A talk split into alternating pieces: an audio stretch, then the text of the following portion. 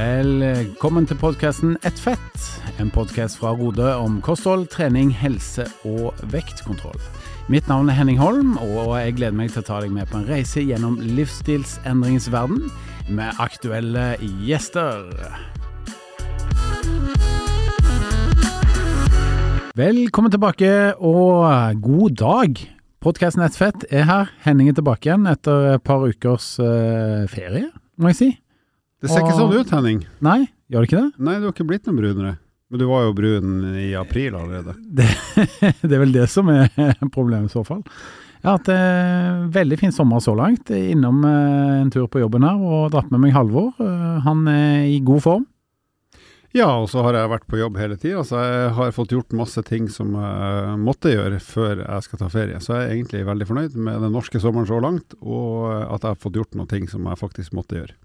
Very good, som du pleier å si. Sven Erik Dahl, ja. velkommen tilbake. Vi har dratt deg inn fra ferien din. Ja, du har egentlig ferie nå, men uh, vi måtte høre hvordan det sto til med deg. Ja, det er veldig hyggelig å være tilbake her. Jeg har vært en liten tur på fjellet på Røros. Ja. Og kosa meg der. Det Vært finvær, faktisk. Det er sjelden det er på denne tida av året på Røros. Ikke alltid det på Rørosen? Nei, altså Nei. faktisk. Jeg har, jeg har jo jobbursdag i, i juli. Mm. Det var en par år Det, det snødde på jobbursdagen min. Og det, når du var jo, ung, ja? Når jeg var, når jeg var yngre. Yngre, yes, yngre ikke ung, men yngre. ja, Riktig.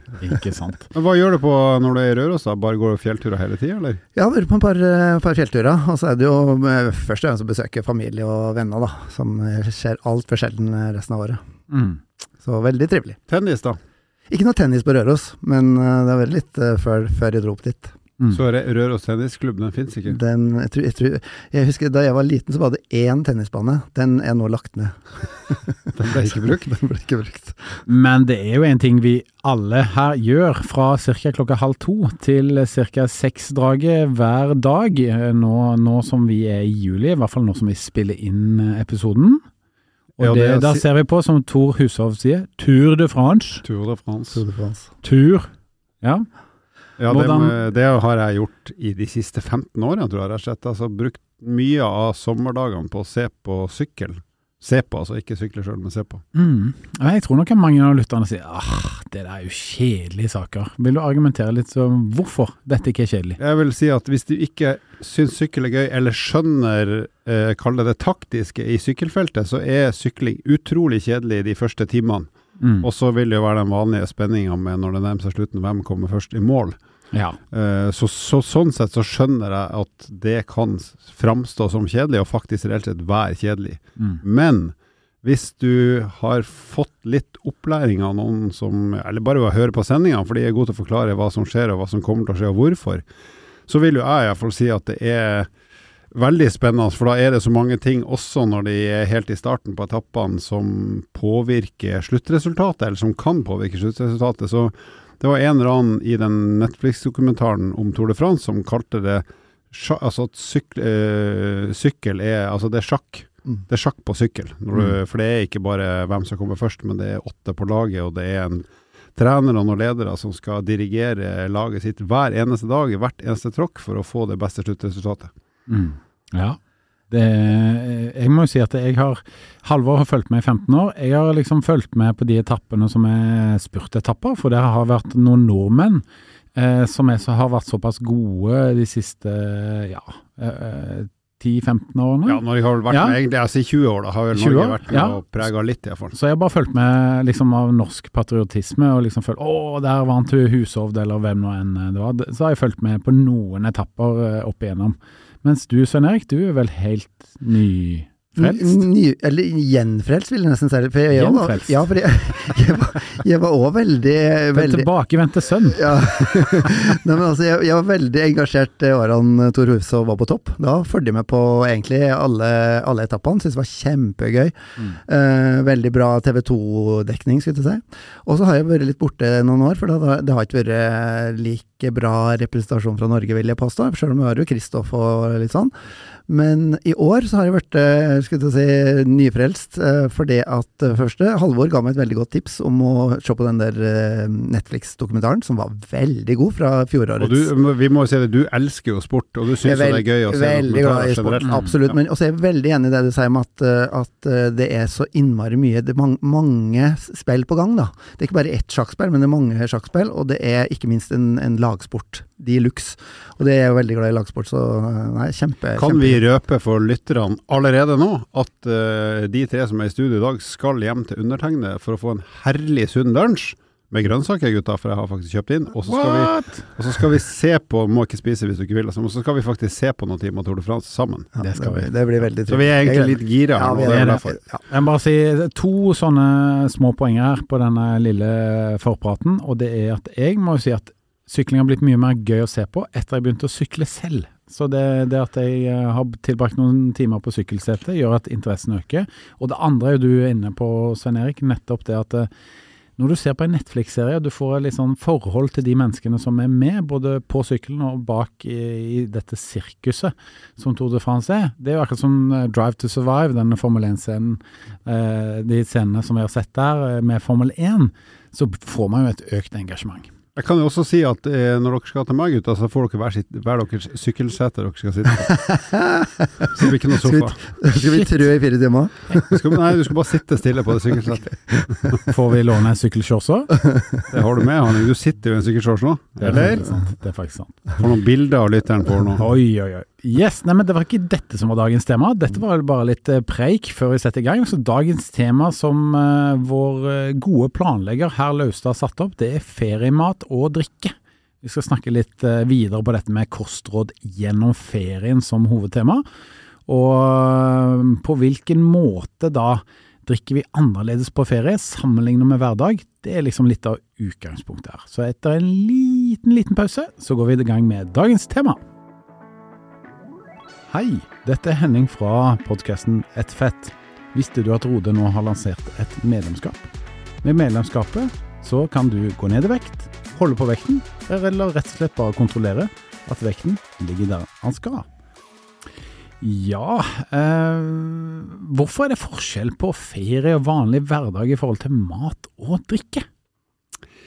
Ja, det er vel mange som har teorier om det, men en av de viktigste grunnene er jo vel at man lever andre liv, står opp eh, kanskje til andre tider, har ikke så mye å fylle dagen med. og for mange sin del så er man kanskje ikke hjemme hele tida heller. Så i hvert fall i min verden så er jo den største forskjellen på mat og drikke det hvis jeg er et annet sted på ferie eller om sommeren enn det jeg er hjemme. Da, da, da forandrer jo det meste seg både i forhold til hva jeg spiser og drikker. Godt poeng, Halvor. Jeg kan Takk. ta et praktisk eh, eksempel på det du sier. For vanligvis, da, hvis vi bare starter med frokost f.eks., eh, det har vi eh, nevnt en del ganger tidligere. Vi spiser vel sjelden frokost, noen av oss eh, her. I hvert fall meg og deg, Halvor. Jeg er jo på 24-0-dietten nå. Så jeg spiser jo da først lunsj. Før det så er det bare noen kopper med kaffe og noen glass vann. Ingenting annet som fordøyes. Og på ferie nå i Kroatia, som jeg var med min eh, fru, eh, så, så, var det sånn at det der eh, gikk jeg bare opp eh, på hotellet, og så sto det en kokk der og lagde den deilige omeletten til meg hver morgen. Og det gjør du ikke hjemme. Det gjør jeg ikke hjemme, for å si det sånn. Så det er jo forskjell. Og jeg hadde jo både litt grønnsaker, og ja, jeg hadde litt uh, bacon til, og ikke sant. Det ble jo noe helt annet. Ja, det er jo, ikke sant? Det er jo rett og slett luksus. Ja. Og det er luksus fordi at man ikke har det i hverdagen. Ja, jeg kan jo gå videre og fortelle om resten av dagen. Det, ja, men er bare høre, hva, forskjeller. hva er det du ber kokken om å ha i omeletten? Jeg må bare sjekke ut det. Eh, han så litt sånn streng og stram ut i blikket, da, så han lurte meg først og fremst. For jeg sa at ja, jeg vil ha ost og skinke, og jeg vil ha løk og paprika. Og så han, ser han på meg strengt, så sier han You can only choose two things. så det er bare Å ja, ok, da blir det, det ost og, og skinke. Yes. Han bare Nei, jeg kødder. Du kan få det du vil. Så det er veldig morsomt, faktisk. men, men det ble de fire ingrediensene der. Jeg tok òg tomat i den ene dagen. Jeg syns ikke det var like godt i omeletten. Nei. Nei. Men når sånn cirka inntok du den uh, omeletten? Det var, var det Det var omtrent halv, mellom halv ni og ni. Eh, I snitt på de fem-seks dagene så vil jeg si 08.43. Skal jeg tippe, så er det tidspunktet valgt for at du har sovet ganske lenge, men du, er fortsatt, du har fortsatt god tid før frokosten stenger. Stemmer det? Riktig. Mm. Ja, for, jeg tror, for jeg tror i hvert fall vi skal ta det Så tror jeg veldig mange har en litt annen måltidsklokke da, eh, i ferien enn de har til vanlig. Eh, og det kan kanskje også sammenligne Vi opererer veldig mye med to ulike måltidsklokker i Rode. Vi har en sånn hverdagsklokke, og så har vi helgeklokke. Sånn, Du står gjerne litt eh, senere opp i helgene, og så blir det litt senere frokost, litt senere lunsj, og, og litt, kanskje også litt senere middag. Er dette da klokke tre? Ferieklokka? Ja, ikke sant. Jeg tror ferieklokka og helgeklokka er litt sånn er Men litt er sånn, det er 24 timer i begge klokkene? Det er veldig lik uh, antall timer. Ja, ja, ja. Men måltidsklokka, da, uh, når du spiser, den er litt forskjellig. Og det vi egentlig snakker mye om, da, det er at kanskje under ferien så er det bedre å spise færre måltider, for du, du, er, mm, du starter litt senere med å spise. I hvert fall vi som er vant til å spise vanlig frokost, da, det er jo ikke dere gutter, men det er jo jeg. Så jeg spiser ofte da to-tre timer sene frokost eh, på ferien. ja du kjører jo 22-2-dietten. 22-2, ja. Ja, ja. Midt på natta, det tar jeg en liten siste skål. Men Det er et godt poeng det, Svein Erik. Tilbake igjen til mitt praktiske eksempel. Mm. Så vil jeg si at vanligvis jeg spiser jeg lunsj halv tolv med dere eh, og en del andre gode kolleger her. Mens eh, på ferie nå, eh, så var jo lunsjen fort sånn mellom halv to og halv tre. Mm. Ikke sant? Som nesten er middag. I en vanlig dag. Ja. middag. Og så tror jeg en annen ting, og det tror jeg at man, man, eh, eh, man har en hukommelse på, på, på vaner. Og særlig hvis man da f.eks. er vant til å ha ferie på hytta, f.eks. Så har man en annen eh, vanehverdag på hytta enn det man har eh, hjemme. Og da er det ofte sånn at man blir sulten på de ti- tidspunktene man vanligvis gjør, når man, eh, når man er da i det moduset, eh, som er hyttemodus da, f.eks. Men eh, når du eter den lunsjen i Dubrovnik der du var, Mm. okay, ja. Mm. Hva er det du spiser til lunsj da? Er det det vi i Norge vi egentlig ville sagt at det her er jo middag? Eller? Er Ja, det blir jo to middager da, vet du. For det, jeg er på ferie, jeg er veldig glad i mat. Så, så da blir det jo varmmat eh, i halv tre-draget, og så blir det jaggu middag igjen, vet du, i halv åtte-åtte-tida på kvelden. Er det buffé da til lunsj, eller var det buffé til lunsj? Nei, det var stort sett ikke det, altså. Det, det var å kjøpe seg en eller annen middag. Og det kunne være alt mulig. Det kan være burger, eh, det kan være fisk, det kan være eh, kjøttstykke. Men da er det store spørsmålet, Henning. Har du lagt på deg i sommer? Det har jeg ikke. Nei, se der. Så det meste Altså, alle skjønner jo dette. Har du målt? Jeg har målt. er du sikker? Er du sikker? Vennlig hilsen Laustad. Jo da, jeg har målt. Eh, Så det, det står stødig på 93 kilo. Det er ingen forskjell. Men, eh, men eh, det som er litt av greia her, da, det er jo at det, det er en interessant observasjon. Når jeg skyver da på å bytte klokke, da, som Svein Erik sier, fra hverdag til helg slash ferie, så er det at jeg har ikke vært like sulten på kvelden. Og det er litt interessant, for det er når jeg faster da første del av dagen, og så spiser jeg en lunsj, og så er jeg travelt opptatt med ja, unger og alt mulig, og fotballtreninger og jobb og alle de ting som skjer liksom fra lunsj og ut til åtte-ni på kvelden, så har jeg ikke hatt det store liksom sultsuget som jeg gjerne opplever rundt 21.00 i hverdagen. Men eh, er det noe forskjell også i aktivitet? Vi får jo bare bruke deg som eksempel, da, men? Mm. vanligvis på en normal hverdag så er vel du ganske aktiv en eller annen gang i løpet av ettermiddagen. Noen løping eller sykling eller et eller annet sånt. Hvordan ser det ut i ferien i forhold til både hvordan og når du spiser, og at du er et annet sted? Ja, jeg trente jo da hver dag fra omtrent eh, ti-halv elleve til elleve-halv tolv. 13 timers økt? Nei. jeg trente Når frokosten hadde fordøyd seg litt, så, så, så satte jeg meg ned og, og ja. Og fikk meg en god økt på sykkel eller løping, da.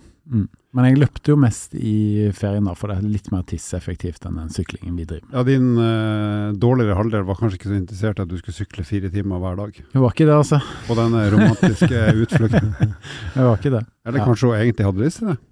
Det er ikke sant? Kanskje du heller ville ha litt alenetid? Nei da. Den Men- ferien var ikke så lang. Et annet element, da, i hvert fall på sommerferie, for, de, for mange vil jeg tro, det er jo at det ofte er, man reiser jo ofte på ferie til et sted som er varmere enn i Norge, hvis man Mm. da drar ut av landet. Og det i hvert fall påvirker min også sånn der appetitt veldig betydelig. Så for eksempel da på i 11, 12, 1, 2, 3-tida, når det ofte er fryktelig varmt, så har jeg null lyst på mye mat generelt, for jeg er bare ja, jeg, jeg drikker så mye jeg kan da av vann eller brus, eller sånn, for jeg er tørst. Og så spiser jeg ofte is for å rett og slett kjøle meg litt ned. Eh, men da har liksom ikke en appetitten på det der store, gode måltider som kan være både sunt eller usunt, men som rett og slett jeg kaller det hovedmiddag, de kommer liksom for min del først ut på kveldinga når det er litt mindre varmt. Mm. Og Det er mulig tror jeg er sær, jeg vet ikke. Nei, det tror jeg er veldig gjenkjennelig for de fleste. Jeg tror veldig mange mister litt matløs når det blir i hvert fall veldig varmt. Mm. Så det tror jeg, det tror du har helt rett i. Men, men har dere inntrykk av at dere selv, og eventuelt andre, spiser og drikker mer usunt på ferie enn de gjør i hverdagen? Jeg vil si at jeg, nå skal jeg Jeg ble spent meg sjøl i år, for nå jobber jeg i Rode og har fått litt mer, rett og slett litt mer praktisk kunnskap om matinntak, så jeg er spent på om jeg skjerper meg litt. Men jeg vil jo si at generelt så er jeg vesentlig mer ukritisk på ferie enn jeg er hjemme. Det gjelder både pengebruk og det her med jeg bare stikker innom og kjøper meg en brus, og så koster den fort 40-50 kroner, og så er det en eller annen liten sandwich her. Altså det der man bare eh, kaste bort penger, da, som egentlig er litt av ferieluksusen, men som kan bli litt meget. Eh, så, så for min del så er jeg nok mer slepphendt i ferien, både med pengebruk på mat og drikke, og hva jeg Det er litt sånn Ja, nå fikk jeg lyst på det, ja da kjøper jeg bare det, for at nå er jeg på ferie. Så jeg er jo litt mer slurvete, rett og slett. Normalt sett. Og det tror jeg er litt vanlig. Jeg kan jo si som rodeveileder, da, så kommer jo gjerne folk tilbake fra, fra sommerferien noen kilo tyngre enn det de var de, eh, på siste møte før, før ferien.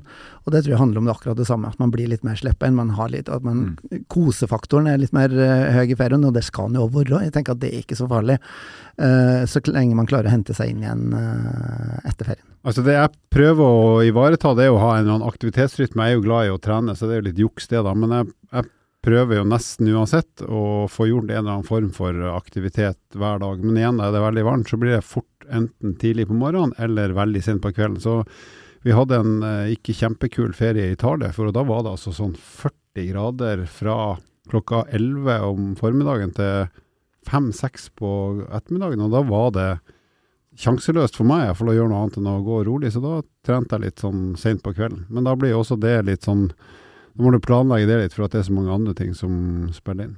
Men jeg har lyst til å innføre et begrep, og det er kanskje dårlig, men jeg prøver meg.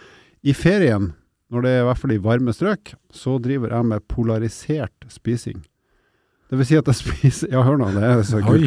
Det her er jo Nå sitter både meg og Svein Erik Hake har sluppet ned. Dere er, dere, er, Øynene er, klistra på dobbel størrelse. Dere har ingen forventninger til det her. Men eh, jo, eh, det er rett og slett for at i hvert fall i min verden så eter jeg mye mer til frokost enn vanlig. Rett og slett for at da er det ikke så varmt, og da vet jeg at nå har jeg tid til å spise noe som både er godt, og jeg kan slappe av, og det er ikke noe stress.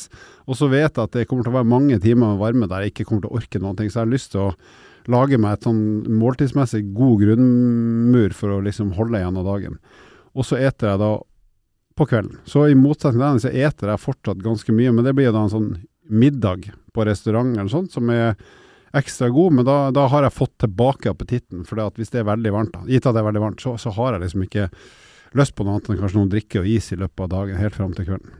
Så det er dermed polarisert eh, stor- feriemat. Stor frokost, liten lunsj og stor middag, er det du egentlig Ja, helt ærlig, egentlig stor frokost, og så bare noe tjafs i mange timer, som er stort sett drikke og kanskje en is eller et eller annet, bare sånn småtteri. Mm. For jeg har ikke noe særlig appetitt, og så masse middag.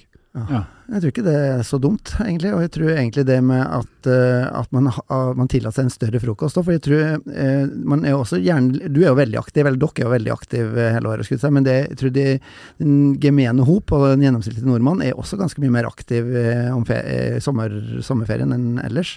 Og da er jo det jo også lurt å legge den aktiviteten når det ikke er som varmest på dagen. Og det er jo gjerne da enten på morgenen eller på kvelden, det òg. Ja, jeg kan jo si at uh, skrittelleren min ikke en sånn god gamle, du, gammel du putter liksom eh, I skrittet? ved, nei, ved siden av beltet. Spennende, holdt jeg på å si. Men eh, min telefon og min, min klokke eh, sier da at den uka som jeg var da på tur, eh, den uka gikk jo jeg eh, nesten 40% flere skritt enn en vanlig uke. Mm. Så jeg er jo mer aktiv på ferie. Og det er fordi jeg trasker rundt og kikker på ting og ute og ja, ute og går mye mer. Så den der tiden jeg har på kontoret hvor jeg bare sitter eller står på pulten, den er erstatta med å faktisk traske i gata. Oppfølgingsspørsmål, var det din samboer som primært hadde retninga og bestemte hvor dere skulle gå, eller også du egentlig bare fulgte med, eller hadde du noen egne private initiativ?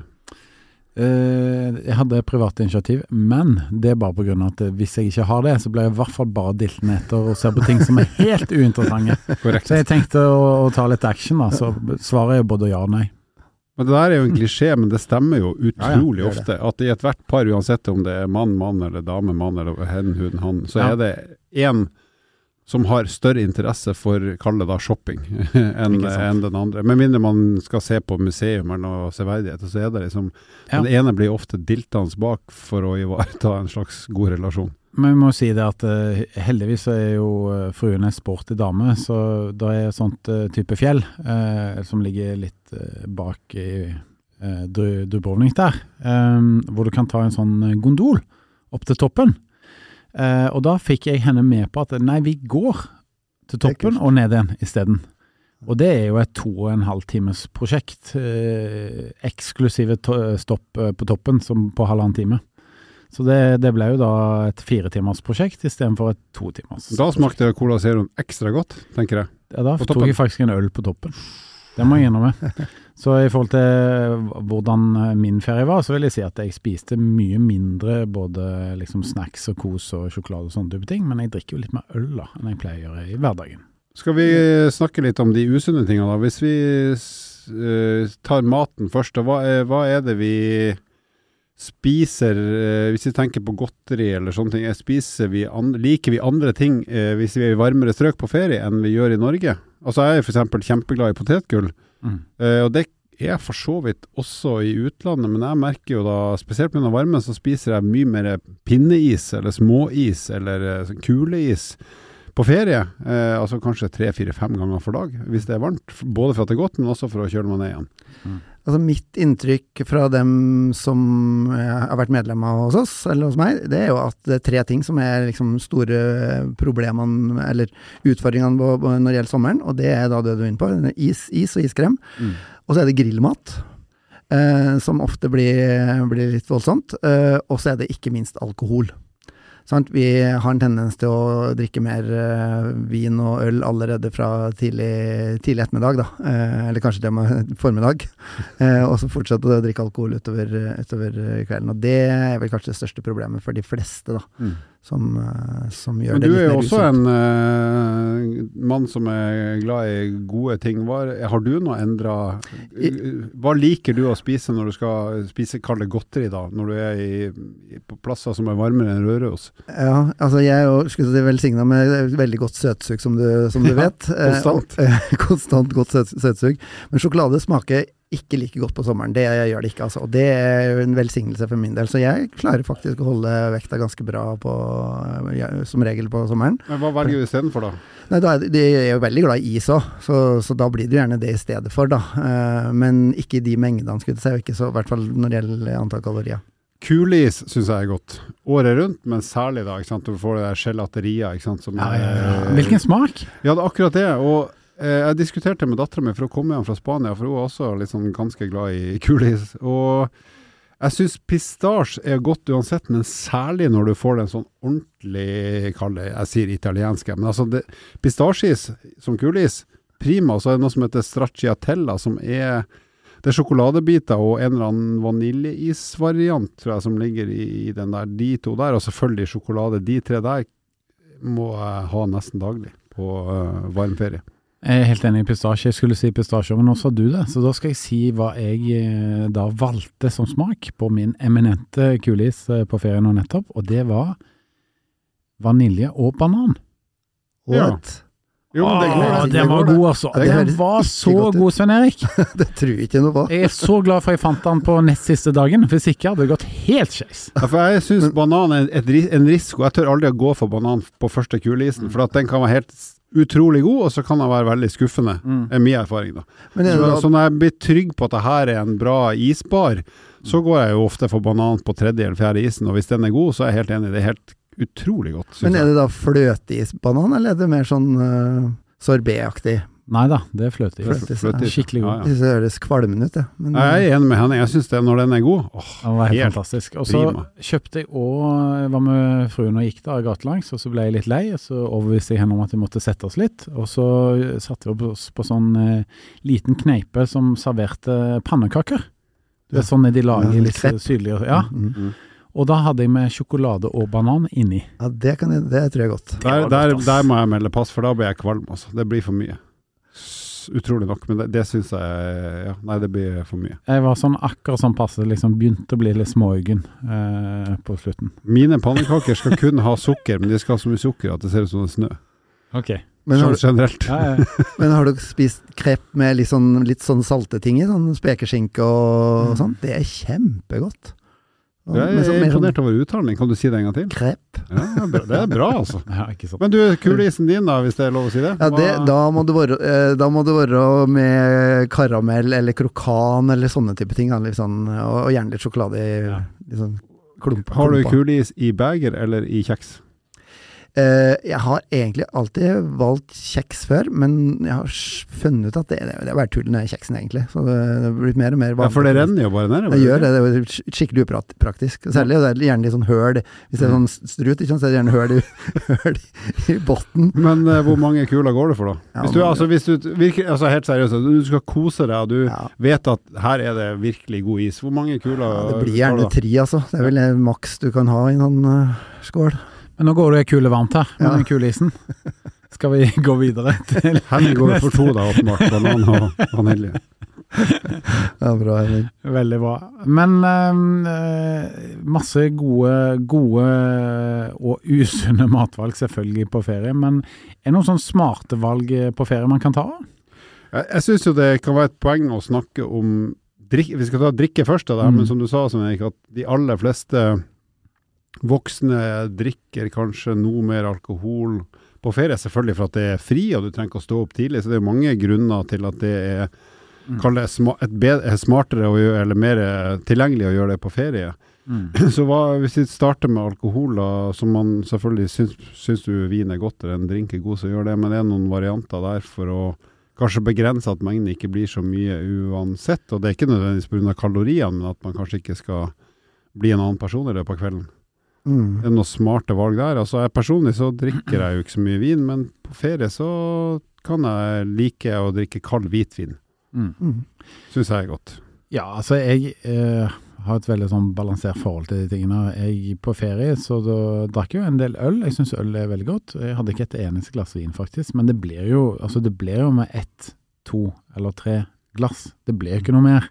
Det stopper jo der. Så sånn sett så tror jeg liksom at det beste tipset er på mange måter måteholdet, altså. For det, hvis du kjenner godt etter, så vil jeg si at en, et glass med øl på glass mm, tre eller fire, da er det ikke så godt lenger. Da, altså, da har det bare blitt en rutine. Mm. eh, en minuttrutine. At du liksom du bare fortsetter utover kvelden, for dette var hyggelig. Men det er ikke så godt etter hvert. Nei. Hvis Carolina hører nå, eller sånn ernæringseksperter, de sier jo at eh, du bør absolutt drikke vann da, sammen Mm. sammen med alkoholen. Og det er i hvert fall et tips som jeg har tatt til meg, at eh, med et, eh, hvert, etter hvert glass vin, så skal du drikke i hvert fall et glass vann. Eh, og det gjør jo at det, det, du, det blir du, du blir hyggeligere eh, utover hele kvelden.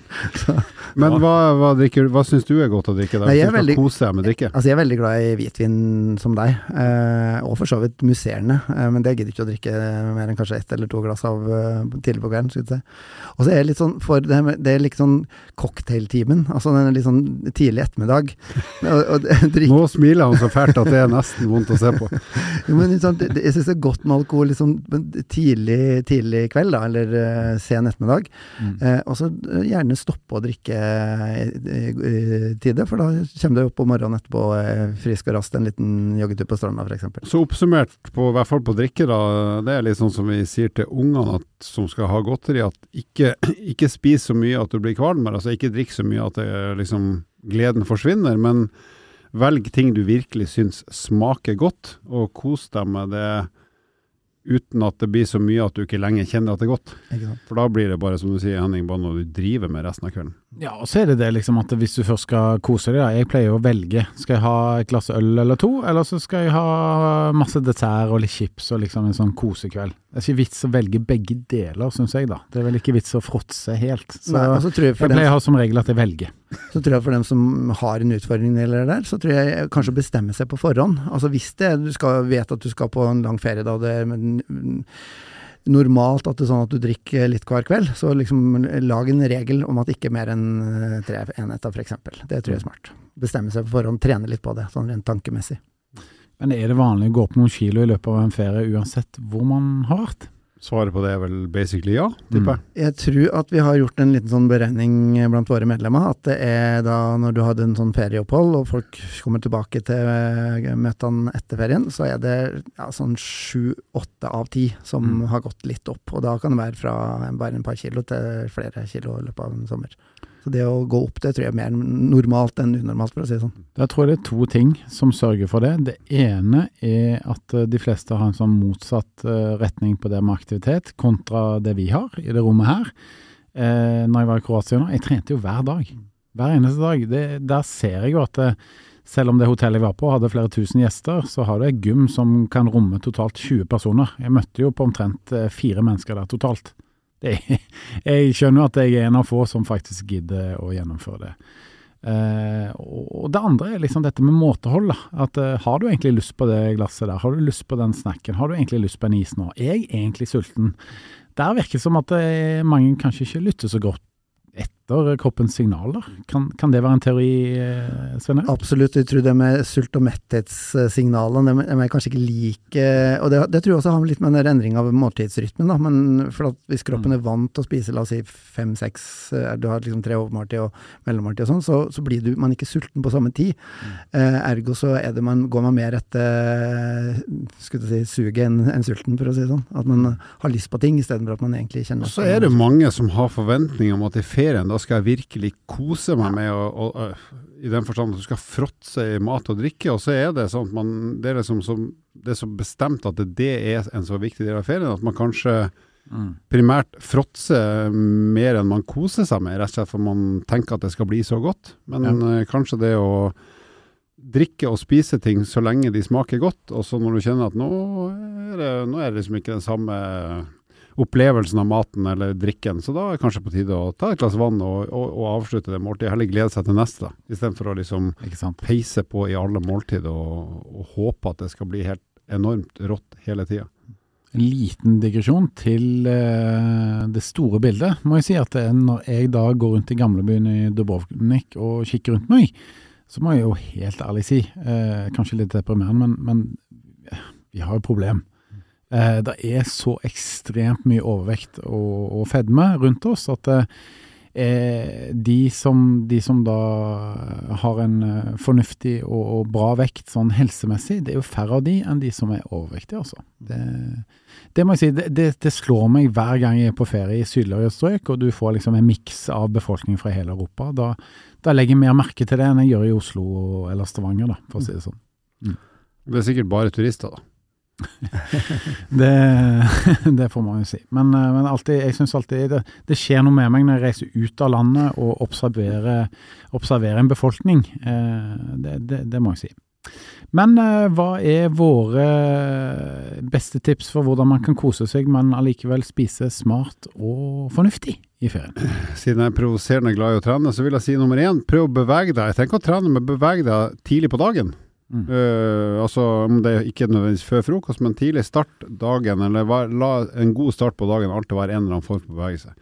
Det er det ene, og så syns jeg du skal spise mat du syns er god. Ikke tenk at nå skal jeg på ferie, nå skal jeg bare spise sunn mat eller smart mat for å holde vekta, men spis det du liker. Og så må Karoline si, men bare spis det i en mengde som er sånn at du kjenner at det er godt. Og når du har spist nok til at det ikke er så godt lenger, så kan du avslutte måltidet. Uh, og så skal jeg prøve noe som jeg, jeg skal si noe som jeg ikke er god på sjøl, nemlig prøve noe nytt. Prøve ny drikke eller ny mat. Det er jeg elendig på sjøl. Jeg bestemmer, bestiller alltid pepperbiff i hele verden, for det er bestandig godt. Så uh, prøv ny mat også. Og jeg lover lytterne at jeg skal faktisk teste ut noe nytt sjøl òg. Uh, ikke hver dag, men iallfall i løpet av ferien. Da gleder vi oss til å høre om det over ferien, Halvor. Det blir pepperbiff uten saus. Bra. Jeg har ikke noe tro på det du sier, sa du. Beklager. Nei, jeg er nødt. Jeg er nødt. Ja, men det er så dårlig, og vi skal være som et vennepar, så jeg tror faktisk jeg blir tvunget til det, heldigvis. Det er bra. Hva med deg, Svein Erik? Ja, da har jeg et, egentlig et godt tips som jeg vet at du ikke kommer til å like, Halvor. Og det er å spise mye salater om sommeren, for at eh, da er jo gjerne grønnsakene best. Og da skal jeg utfordre deg, og når du sier at du skal prøve noe nytt, eh, kan du få prøve noen nye grønnsaker Halvor, som du kanskje ikke vet navnet på engang. Kan du ikke gi meg noen tips på salater som kan være gode, da? For Cæsarsalat er jo godt, men det er noen andre sånne varianter som kan Altså, smake godt? Ja, du, kan, du kan fylle i hva som helst. Det, Som har kjøtt i seg? ja, du, altså, jeg er jo veldig glad i sånn kyllingsalater, da. Altså ma mange forskjellige eh, grønnsaker, også med da kylling som sånn kjøtt, kjøttbase, skulle jeg si. Det som jeg tror også er veldig lurt, det er å blande inn litt frukt i, i salatene. Type mango, pasjonsfrukt. Oi, oi, oi. Faktisk litt bær, jordbær i, i salater er også veldig, veldig gi en sånn frisk eh, liten uh, Det, det som er så morsomt å høre på med deg, Svein Erik, altså du har sånn uh, barnslig entusiasme på frukt og grønnsaker, Ja, uh, som du prøver liksom å prakke litt på Halvor her. Ja. Og han møter seg selv litt i døra i forhold til sin trening, ikke sant? Skal du ikke bare bli med på en åtte timers sykkeltur, da? altså, han får smake litt sin egen medisin her, da. Ikke sant? Jeg syns han fortjener det. Altså. Jeg har godt av det. Men helt seriøst, det med frukt, det er jo ikke dumt, for det er jo ganske godt. En god mangosalat det mye, eller skal godt gjøres å slå det, for å si det sånn. Ja, mitt tips det er egentlig å, å bruke masse egg til frokost. Egg er sunt og godt, og det smaker veldig bra. og Det metter bra gjennom hele dagen. Så hvis du får en god start på dagen med mye bruk av egg, så tror jeg du gjør et godt grunnlag for en sunn og god dag. Jeg ble i hvert fall veldig gira av den omeletten som du fikk servert i Kroatia. Jeg har lyst til å lage meg omeletten nå. Faktisk mitt Ja. siste tips blir jo da å ta med, ta med kokken din også på ferie. Ja, Eller ta med ei høne Men det er ikke lov å si. som legger egg. Hva er kokk på engelsk, forresten? sjef. Ja, ikke sant? Det var et- det var et lurespørsmål. Ja, Så Erik, du gikk rett på, men du sa ikke. Bare Hold klokelig kjeft. Ok. Eh, Vi har gitt noen tips allerede, men har vi en siste runde her med noen gode tips for mat eller drikke, eller aktivitet gjennom ferien? Skal jeg starte? Ja, start du. Eh, eh, veldig mange drar jo på badeferie. Prøv å ikke bare bade, men å svømme litt. Det å liksom ta ti lengder i bassenget og bevege litt på seg, eller eh, faktisk som jeg gjorde her den ene dagen i Kroatia. Jeg svømte faktisk eh, 500 meter, eh, en liten sirkel. Eh, og klokka mi klarte faktisk å reg- registrere aktiviteten. Det var litt morsomt. Så da, da fikk jeg litt sånn eh, litt smaken på å gjøre noe litt annet da, enn bare løping, sykling, styrke. Det var kjempegøy. Så da fikk du ett per svømmetakt, og så fikk du ett skritt? det, tror jeg ikke jeg fikk. Men, eh, men det å bare ikke bade, men svømme litt, det tror jeg kan være et godt tips. Helt enig. Mm. Det har jeg faktisk, jeg gjort i sommer, på Frognerbadet her i Oslo. Kjempe, kjempefint. Det, morgen, morgenbad. Mm. Bra. Noen flere tips? Ja, jeg syns dere skal bare kose dere, men, ko men når du ikke kjenner at det er kos lenger, bare da eh, avslutter du. Ja, det høres litt banalt ut, men det er et veldig godt tips, altså. Men så lenge det, vi kjenner at det, ah, det her er skikkelig godt, Mm. så uh, spis og drikk. Bra. Helt enig. Og kanskje eh, i forhold til det med sant, altså, Vi har jo en tendens til å overspise litt i, på, på sommeren, det, det tror jeg vi alle kjenner på. Så kjenn litt det du sa i stad, Henning. Kjenn etter når du er mett. Da er det liksom lov å avslutte måltidet. Veldig bra. Mange gode tips her, og det har vært en sann glede å bruke tid med dere, selv om det er ferie. Eh, og så syns jeg bare vi skal bevege oss videre til dagens fun fact. Yes, vi har snakka om eh, drikke, og Svein Erik måtte selvfølgelig begynne å snakke om frukt òg. Så eh, dagens fun fact handler om vinproduksjon. Eh, spørsmål til dere gutter, hvor mange druer trengs det for å produsere ei flaske vin, sånn i gjennomsnitt? Ikke sånn pappvin på mange liter, men sånn standard vinflaske. Hva tror dere? Altså antall druer eller Ja, antall an- kilo? Antall druer, ja. Å, herregud. Dere skal få eh, slingringsmonn pluss minus 150. Jeg har ingen anelse. Det er vel det må svare nå. 1000. Henning. Eh, 669. Oh, nært. Det er ca. 700 i henhold til mine kilder. What? Ca. 700 druer går med på å produsere flaske vin, så det er jo ganske mye frukt som på en måte bare blir tråkka på, og så Bokstavelig talt. Ja. Wow. Jøss. Ja, det var, det var Det var kanskje ikke fun, men det var litt interessant, kanskje. Det var en fact. Det var en fact. Sad fact. Veldig bra. Eh, eh, jeg syns vi skal gi en liten hyllest til min eh, sønn på syv og et halvt år, som har vært med oss i studio hele episoden og ikke klart eh, Han har klart å være helt musestille. Ja, imponerende. Han fjerta litt, da, men det er kanskje ikke vi fikk med oss. Det, det er helt greit. Men eh, siste ord fra deg, Halvor. Er det god påske, god jul eller noe lignende? Jeg er helt sikker på at i 2027 så er det noen som sitter og hører på de episodene. For jeg tenkte at den Et fett-podkasten som du begynte å høre på i 2025, det var ganske bra. Så uh, selv i 2027 vil jeg ønske deg god sommer. Selv om det er fire år siden vi egentlig sa det. God sommer. Vi snakkes.